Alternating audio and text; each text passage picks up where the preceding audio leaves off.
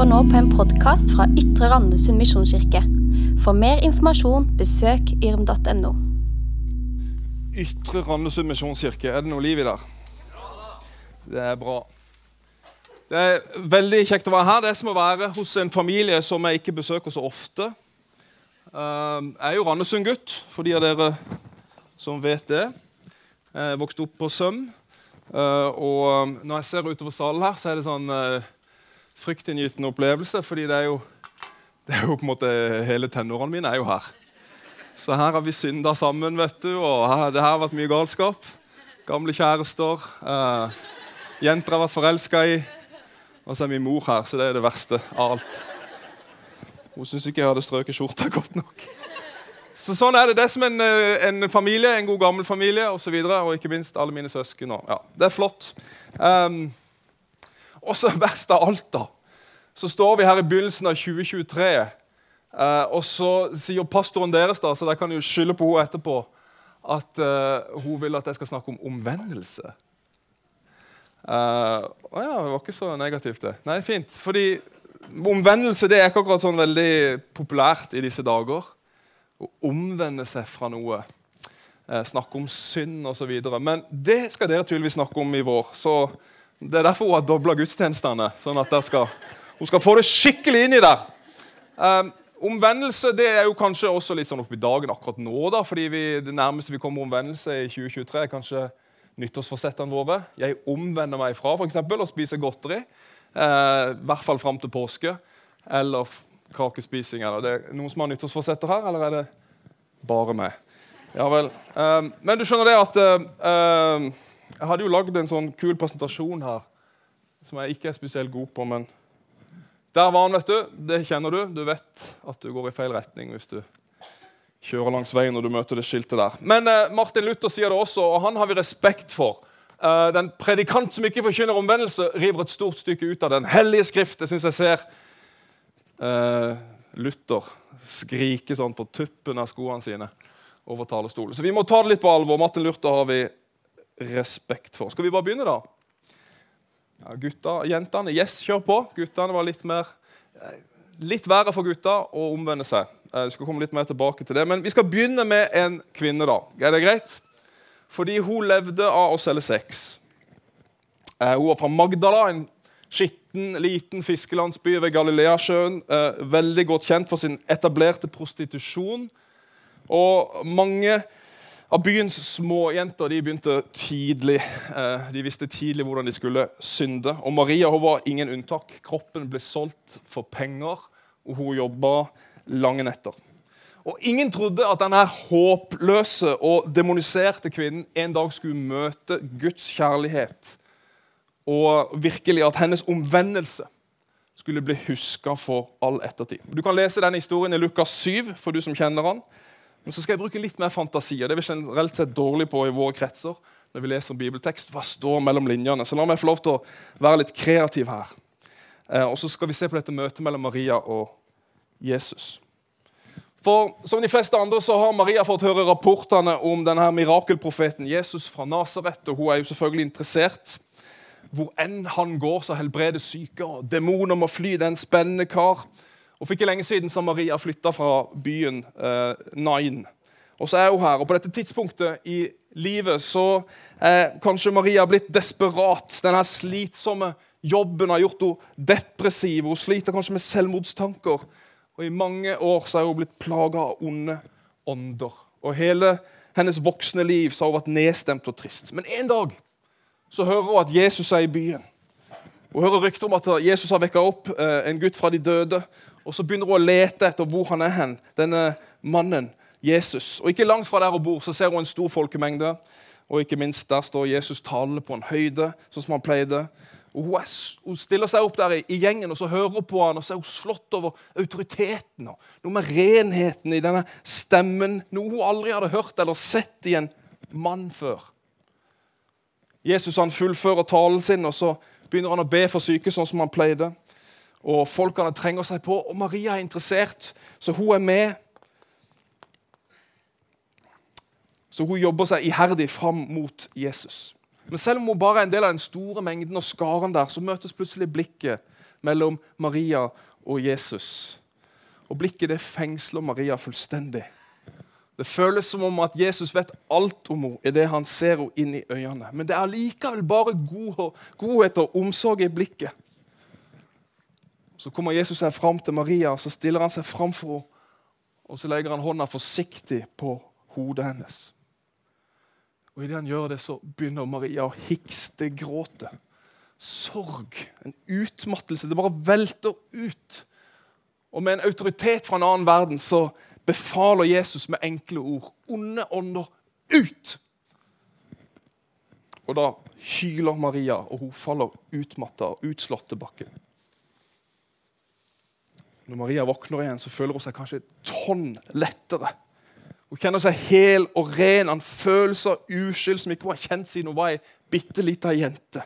Noe stort hadde skjedd, og Maria hun gråter av lykke.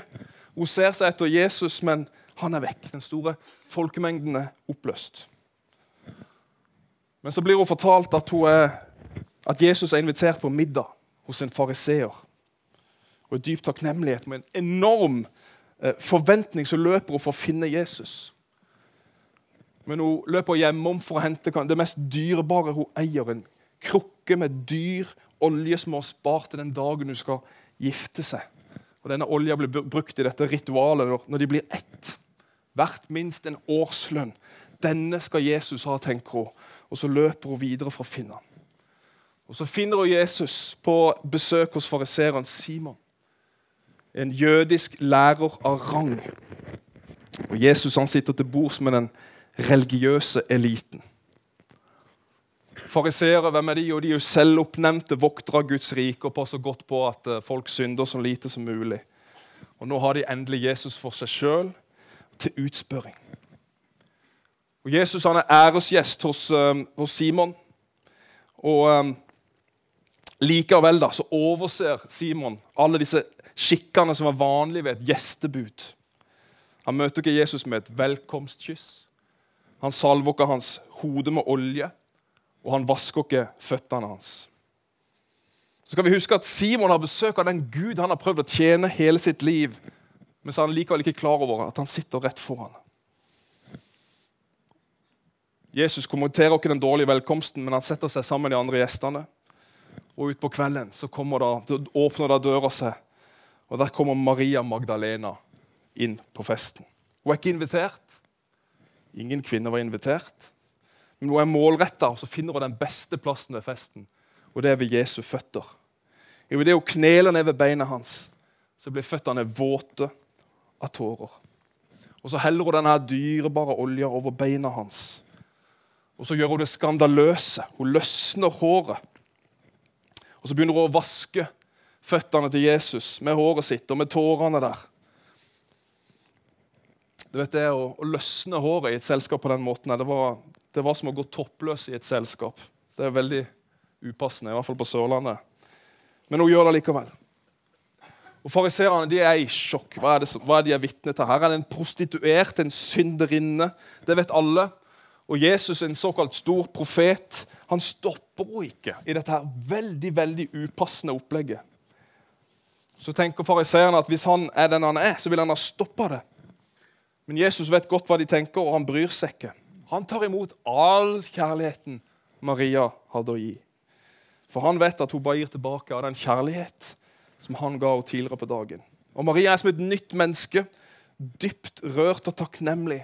Trosser alle disse skikkene, tradisjonene og normene for å vise sin takknemlighet og sin overgivelse, sin omvendelse til Jesus. Og Hva gjør de andre fariserene? Ja, de dømmer henne. I disse hode er de i en helt annen liga enn hva hun er. Hun er en synder, de er ikke. Og enda verre, de dømmer den Gud de prøver å tjene. Tenk på den. Jesus han avbryter alle disse dømmende tankene med å fortelle selskapet en veldig kort historie. Han sier det var to menn som skyldte penger. Den ene skyldte masse, den andre lite. Og pengeutlånerne eller Han hadde et stort hjerte, og han etterga de all gjeld. Og Så snur han seg til Simon og så spør han Simon, Simon, hvem vil elske han mest. Og Simon svarer, jeg vil tro den som skyldte mest. Og Jesus berømmer han for rett svar. Men så fortsetter han. Så sier han, 'Jeg kom inn i ditt hus, Simon. Du ønsket meg ikke velkommen med et kyss.' Denne kvinnen har ikke bare kysset meg, men hun har kysset mine føtter. Simon, du salvet ikke mitt hode, men denne kvinnen har salvet mine føtter med det mest kostbare hun eier. Og Simon, du vaska ikke mine føtter, men denne kvinnen har vasket mine føtter med tårer og tørka dem med sitt hår. Og så sier hun denne kvinnens mange synder er tilgitt. Derfor elsker hun mye. Men den som har blitt tilgitt lite, elsker lite. Og så sa han til kvinnen, syndene dine er tilgitt. Og Så kan vi tenke når vi leser den teksten Simon, du har bare ikke forstått det. Jøss, så latterlig du er. Men har vi forstått det noe bedre enn Simon? Jeg tenker at vi har kanskje ikke det. For her er det en stor åndelig sannhet som vi fort glemmer. En svar på Simons store misforståelse, men også vår. Og det er det at Jesus blir så stor i ditt liv som du har behov for tilgivelse. Amen. Jesus blir så stor i ditt liv som du har behov for tilgivelse. Du vet, Det er dette vi må forstå. At mitt og vårt behov for nåde og tilgivelse er det som kvalifiserer oss til å kalle oss kristne. Åh, kom an, Er dette en svovelpreken, Fredrik? Det orker jeg bare ikke. Nei, det er ikke en svovelpreken. Jeg vil kalle det en parfymepreken. Fordi her oser det av parfyme og frihet, ikke minst. Frihet. Fordi frelse det handler ikke om meg eller deg. Det handler ikke om hvordan jeg takler dette livet, om jeg klarer å leve opp til forventningene til meg sjøl eller til de rundt meg, om jeg fikser de kristenkulturelle kodene, eller om jeg får gudslivet til. Fordi frelse det handler om Han, om Jesus Kristus, hva han har gjort for meg, hva han er, og hva han kan, og hva han kan gjøre av underverker i mitt liv. Frelsen handler om Han. Ingen av oss kan verken legge noe til eller trekke noe fra denne frelsen. Vi liker jo å tro det, fordi nåde er så uforskammet godt. ikke sant? Så vi må helst prestere noe, men det bare forkludrer alt. For Gud, Gud frelser oss ufortjent, på tross av meg, men på grunn av Jesus. Sånn Før i tida så var det budskapet, og alle sa halleluja. I dag ser vi ned i bakken og tenker ja, ja, det er kanskje sant, det. Jo, for sånn vil det alltid være. Selv etter du har lært å lese Bibelen, hele Bibelen på et år, eller du har lært deg å løfte hendene på refrenget i lovsangen, eller si amen under pastorens preken. Det er det ingen som har lært her. by the way. Men det vil fortsette uansett. For du vil aldri fortjene Guds kjærlighet uansett. Bare gjennom hans frelsesverk er du fullkommen. Og Er det rart at Maria er så uforskamma takknemlig? For den som er mye tilgitt, elsker mye. Wow. Men trenger vi tilgivelse? Trenger vi tilgivelse? Det er jo det er Kanskje spesielt på Sørlandet òg. Vi, har vi har en historie her av å være prektige. Prektige kristne. Hvordan, hvordan, kan, hvordan kan vi være kjent for å være det? Når Guds tilgivelse av synd forløser en så enorm glede og takknemlighet i livet vårt. Hvordan kan vi da i det hele tatt prestere å være prektige? Hvis, jeg vet ikke om du vet at Ordet 'frelst' det kommer jo av, eh, av fri hals. Et sånt gammelt nordisk begrep, visstnok, da slavene hadde sånne eh, jernklaver rundt halsen. Og når de ble fri, så ble de frihalset, eller frijalst, som er blitt til frelst. Spennende. Altså, jeg var slave, men er nå blitt fri. Jeg er frelst. Så sier Bibelen at vi er syndere, og hvis du kjenner etter, så er du nok enig i det. Hvis du bare får nok tid alene i bilen, så kjenner du ah, jeg er kanskje en synder. Eh. Men vi liker å si at vi er gode nok. Vi er gode nok. Men det er bare tull. Vi er ikke gode nok i det hele tatt. Hvorfor skulle vi da trenge en frelser? Nei, vi er ikke gode nok, men vi er elsket. Smak på den. Det er så mye bedre. Du er ikke god nok, men du er elsket for den du er. Amen. Du må lære deg amen sånn under pastorens preken. Da preiker vi så mye bedre. Amen, vet du. Yes. Ja. OK. Romerne 5, et av mine favorittvers. Men Gud viser sin kjærlighet til oss ved at Kristus døde for oss mens vi ennå var syndere. Ikke etter at du hadde lært deg alle de der tingene jeg sa i stad. Men mens du var håpløs synder, ufortjent, da kom Jesus for oss. Det er den, det er den han elsker. Ja, Det er noe uforskammet godt i det der greiene. Du er med på den? Fordi synden sitter så vanvittig hardt fast i oss. Og Vi kan prøve å ta opp kampen, men den der jernklaven rundt vårt hals den får du aldri revet vekk. Det er bare Jesus som kan sette oss fri.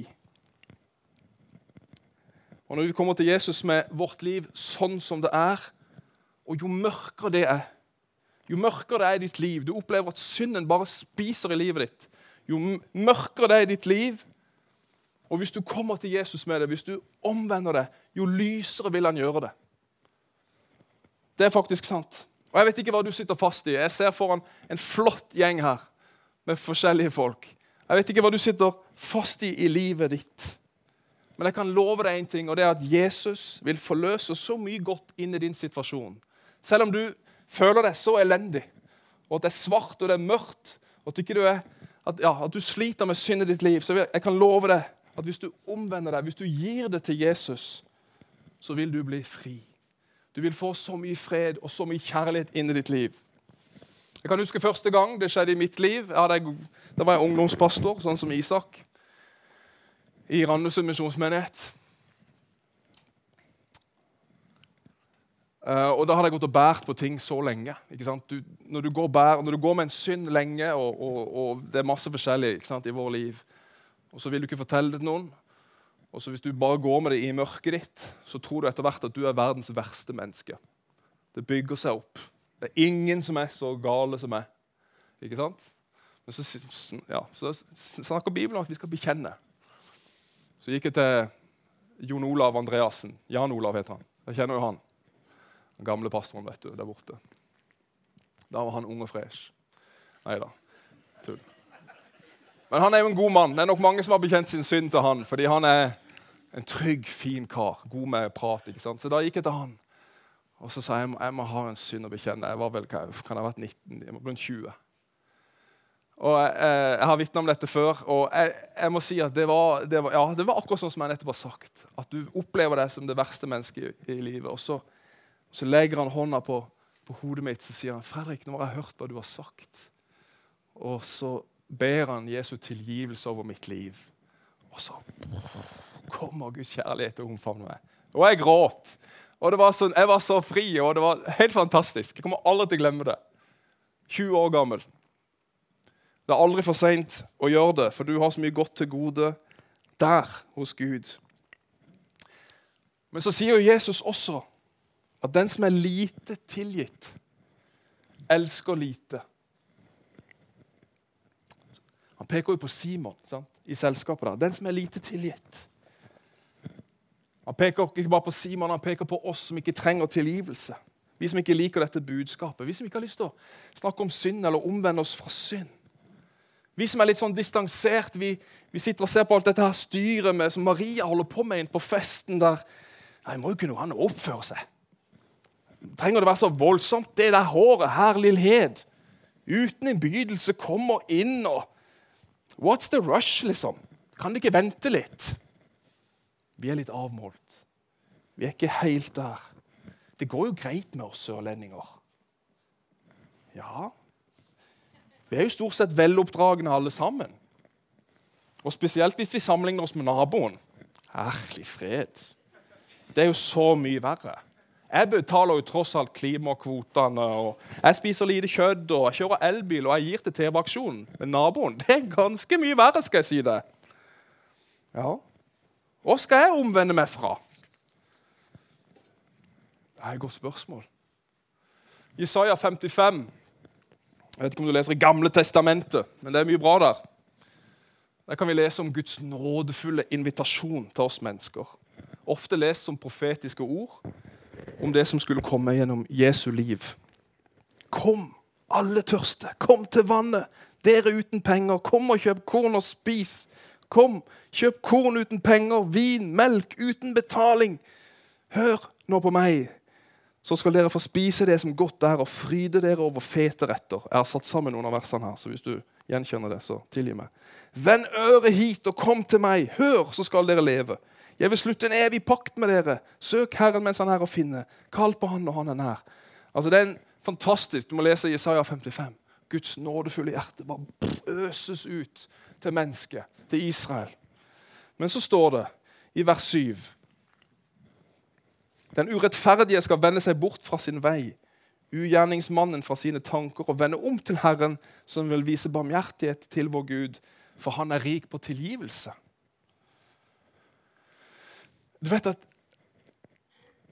før, før en tilgivelse så er det alltid en omvendelse. Før en tilgivelse er det alltid en omvendelse. Smak litt på den. Diskuter den i smågruppa di. Før tilgivelsen er det alltid en omvendelse.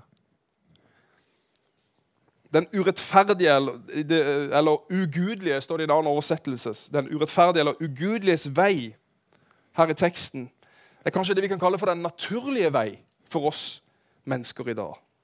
Vi følger på en måte bare våre naturlige instinkter og drifter. Jesaja sier det i kapittel 53 litt tidligere. Vi gikk oss alle vill som sauer. Hver tok sin egen vei. Det er litt sånn, den naturlige vei for oss mennesker. Vanens vei. Den vei som vi liksom venner oss til litt etter litt. Det bare blir sånn. Eller lystens vei. Vi søker egen tilfredsstillelse, vår egen agenda, våre egne drømmer. Ja, den ugudeliges vei er på mange måter allemannsveien. Jesus kalte han for den brede veien. Jeg vet ikke om du har kjent i Oslo, På Grefsen i Oslo så fins det en vei som heter Lettvintveien. Tenk å bo der. Det passer jo perfekt for den veien vi snakker om her nå. Det er så lettvint det bare å følge med strømmen. ikke sant? Alle gjør det jo. Det er det ungene mine sier når jeg prøver å sette noen grenser. Ja, men pappa, alle gjør det jo er litt sånn lettvint veien. La oss bare gjøre det som alle gjør. Det er lett å forme seg den litt sånn fleipete tona i gata. Det er ikke så farlig. Bare kjør på. Har du lyst, har du lov. Det er grenseløst. Og ikke minst i en nøytralisert ånd så flyter vi som en sånn homogen gruppe nedover denne gata i lettvintveien. Mange av oss har jo hatt adresse der. Kanskje du bor der enda. Vi er, vi er til og fra lettvintveien. Men i alt dette så roper altså Jesaja sitt omvendelsesbudskap. Denne veien må forlates nå. Flytt ut. Følg ikke med til denne veiens slutt. Omvendelse er å forlate den ugudelige eller urettferdige veien og sin selvoppnevnte forestilling om Gud, som vi veldig ofte har. Og Jeg har ikke gått så veldig dypt ned i akkurat omvendelse og begrepet, men det er jo metanoia på gresk, og det handler om egentlig bare om å tenke annerledes tenke annerledes om det du står i. Ja, hvordan da? Jo, vi må innrette våre liv etter Guds tanker, ikke verden. Vers 8 og 9 i samme kapittel. For mine tanker er ikke deres tanker, og deres veier er ikke mine veier, lyder ordet for Herren. Som himmelen er høyere enn jorden, er mine veier høyere enn deres veier. Og mine tanker er høyere enn deres tanker. Og takk og lov for det. Når vi omvender oss, så forlater vi våre egne veier og tanker og begynner å vandre i Guds veier og få del i hans tanker. Det er alvor i det Jesus sier. Den som er lite tilgitt, elsker lite. Jeg vet ikke om det er lov å si det på denne måten. Du får prøve det. Liten bekjennelse, lite av Guds kjærlighet. Stor bekjennelse, mye av Guds kjærlighet. Jeg tror det er mye sant i det. Har du lite å bekjenne? Er du, er, erfarer du lite, din, altså, er du lite kjent med din egen svakhet og synd i livet? Så erfarer du mindre av Guds kraft og Guds kjærlighet i livet ditt. For han slipper jo på en måte ikke til. Og hva er det som skjer da? Jo, da blir vi dømmende kristne. Vi som ikke erfarer å se så mye. Altså Jesus snakker om bjelken i ditt eget og flisen i din brors øye. Litt av det samme. Hvis ikke vi klarer å se bjelken som står ut av ditt eget øye, hva er det som skjer? Jo, du blir en dømmende kristen. Du elsker lite. Da blir vi opptatt av hva Ja, han der og hun der og Ja, de er jo sånn. Ja, ja, sånn er jo ikke jeg, men de er, altså, skjønner du? Vi blir veldig sånn kritiske, vi distanserer oss fra andre mennesker. og Vi blir veldig opptatt av andres feil og mangler. Du kjenner nok noen av de, du også, og ikke minst kanskje se inn i deg sjøl om ikke vi blir sånn. Hvis ikke vi er godt kjent med at vi trenger tilgivelse, alle mann. Og Da er mitt spørsmål til deg når bekjente du en synd sist? Dette har jo vært en, en, en, åndelig praksis gjennom hele kirkehistorien. Men vi er litt ute i lettvintveien nå. Når bekjente du en synd sist? Når var synd et tema i husgruppa di? Eller smågruppa di? Jeg vet ikke hva de kaller det her. Og Har du noen gang måttet omvende deg fra ting du har stått i i ditt eget liv? Har du vågd å gjøre det? Jeg syns det er litt rart. I lys av Guds gode løfter om tilgivelse for synd, så er det fortsatt et så tabubelagt tema i våre fellesskap og menigheter. Ja, Så tabubelagt at omvendelse det er nesten så det, vi snakker nesten ikke om det lenger. Nå har jo ikke jeg gått inn på konsekvens av synd. og altså, Torborg må jo bare dra dette videre. Hun har jo doble søndager framover. Uh, så hun må jo ha noe preik om. Men synd det, det tapper oss jo for liv. sant? Det stjeler livet av deg. Omvendelsen skal vi tro Jesus er det mest sentrale for et godt liv. Det er kanskje vi som Simon, fordi vi ikke finner noe glede i omvendelsen. Vi ser ikke det positive i det. Vi tenker at det blir for trist å forholde seg til dette med omvendelse og synd. og uff, nei. La oss heller være glad, Liksom. La, oss, la oss glemme det. La oss se på TV-en. Så ser vi heller fire serier med Netflix, og så lar vi synden og omvendelsen vente. Eller omvendelsen for synd vente. Jeg, tørker, jeg kaller han bare Helmut. Jeg tør ikke si det etternavnet. Det var så komplisert. Men han sa noe lurt noe i lys av Markus 1, der Jesus sier 'omvend dere, for himmelriket er nær'. Så sier han 'omvend dere, ellers blir dere oppslukt av helvete'. Det heter ikke det. Det heter 'omvend dere, for himmelriket er nær'. Altså, Vi omvender oss til noe godt. Til Guds kjærlighet, til Guds omsorg. Det er ikke til helvete og svovel. sant? Så hvorfor er vi så redd for å omvende oss? Skulle vi ikke våge å bekjenne for hverandre? Jakob 5, nå er jeg snart ferdig. Ja, Jakob 5 tok jeg ikke med her. Men bekjenn da syndene for hverandre, og be for hverandre, så dere kan bli helbredet. Jakob 5. Wow. Jeg kan huske en gang eh, jeg satt på en, eh, en, en sånn Dawn-konferanse oppe i Philadelphia. Vennesla. Jeg var student på Ansgar-skolen. Og så var det en sånn hotshot fra en eller annen menighet i Sveits. Leo Bigger. Du var der kanskje, Stein? Leo Bigger, tror han het. eller noe sånt. Pastor i uh, en eller annen hipp menighet i, i ICF, ja. han var stor, vet du. Dette er begynnelsen på 2000-tallet. Um, og så sitter vi der, alle er forventningsfulle. Konferanse. Yay! Så kommer han opp der. vet du. Yes. Han var skikkelig sånn der, uh, kul type. OK, let's start. Uh, let's, let's confess sin to each other. OK. I'll start in ten minutes. Just, just confess. OK. Så, Skulle sett nordmennene satt i salen der og bare Bekjenn syndene til hverandre før vi begynner. Ja, var, Da gikk det helt i stakkato. Det var ikke sjans. Det var ikke sjans. Men det sier noe om kultur. Omvend dere, for himmelriket er nær. liksom. Vil du ha Guds kraft? Vil du elske mye? Vil du være full av liv? Bekjenn syndene dine. Kom igjen. Gud er nær. Han har tilgitt oss. liksom. Hvorfor skal vi gå rundt med så høye murer rundt oss? Hvorfor skal vi sitte i en forsamling som dette og ikke våge å si noe? Alle våre syndere er bare trygt inn i våre mørke rom. Jeg tror mye av problemene våre ligger der. I våre ekteskap, i vår, i vår mentale helse. At vi holder på alt bare inni oss. Vi vil ikke dele med noen, for vi er redd for konsekvensen. sant? Deler vi ingenting, så tenker vi at jeg er det verste mennesket i verden. Alt dette henger sammen. Det er så mye godt til gode i dette. Og Jeg må bare si, jeg skal avslutte nå. Jeg har fått være en del av denne 4M, altså Extreme Character Challenge, denne bevegelsen i mange år. Jeg må bare si, jeg har sett så mye omvendelse blant menn. Det er jo veldig sjeldent. Det var derfor jeg gråt så mye den første gangen. Menn som bøyde kne foran korset, som bare sier 'Sånn er livet mitt'. Dette klarer jeg ikke. Dette har jeg gjort mot mine barn. Dette har jeg gjort mot kona mi. Og så. Og du vet, Det er jo så sinnssykt sterkt. Altså, Det er helt utrolig når en mann omvender seg, som er så mulig, full i kraft og drive og så tøff og liksom muskler og skjegg og vet ikke. Og så ligger han der som en klatt på gulvet og bare Gud, hjelp meg. Jeg må si Det er fantastisk. Nå hører jeg også rykter om at det skjer i en menighet i Oslo at menn de løper etter pastoren på, på søndagen fordi de trenger å bekjenne synd. Kanskje er det mennene som skal gå foran i dette. Kvinner er så flinke å snakke sammen. Jeg er ikke sikkert de er bedre på å bekjenne synd, jeg vet ikke, men menn vi snakker jo ikke sammen heller. Vi holder det inne. Kanskje vi skulle gått foran i dette. Kanskje var det dere som skulle være med og forløse noe av Guds kjærlighet inn i denne menigheten, i denne, i denne taleserien. At jeg, at jeg, våger.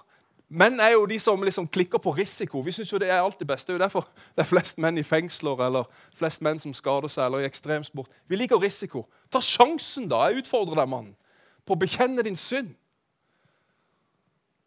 Ikke ta risiko på alt mulig annet, på børsen eller hvor det skulle være. men Ta risikoen på å bare få det ut av livet ditt.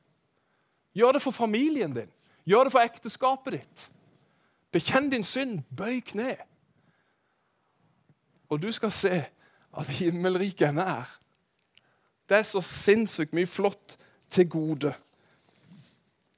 Men dersom vi vandrer i lyset slik han selv er i lyset, da har vi fellesskap med hverandre. Da har vi fellesskap med hverandre, og blodet fra Jesus, hans sønn, renser oss fra all synd. Jeg ber en bønn, og skal lovsangen ta oss videre. Herre,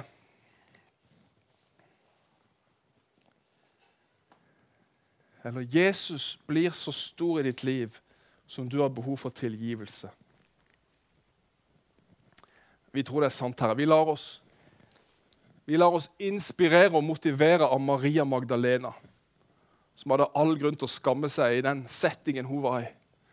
Men hun ga blaffen og kasta seg ned for dine føtter. Herre, ut med håret.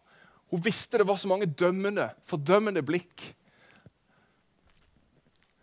Men hun visste Herre, at det var så mye kjærlighet å få i sin omvendelse, så hun bare gjorde det.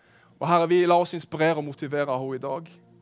Herre, Midt i denne trivielle søndagen, vi skal snart hjem, og steika venter i ovnen, og det er dåpsfest, you name it. Herre, Men dette er så mye viktigere, Herre, for oss. Herre, For våre familier, for våre ektefeller, for våre barns skyld, for våre liv og kollegaer, Herre, så vil vi, Herre, bekjenne vår synd. Komme ut i den friheten og leve i det lyset, Herre. Vi lengter etter det. Vi vil det, Herre. Så jeg ber for mine brødre og søstre her at du skal motivere dem, Herre. At du skal hjelpe dem på veien. Kanskje er det sånn i dag at du, du kjenner at jeg, Jeg tror jeg er klar. Jeg skal ikke være Leo Bigger. Jeg skal ikke, jeg skal ikke be du gjøre det nå. Men Kanskje skal du gjøre det etterpå. Kanskje skal du gå til forbønn og så skal du bare bekjenne din synd. Eller kanskje trenger du å gå flere steg. Sånn er det jo. Gud er jo så utrolig tålmodig mange år i orken, så han, han, kan gå mange år med det.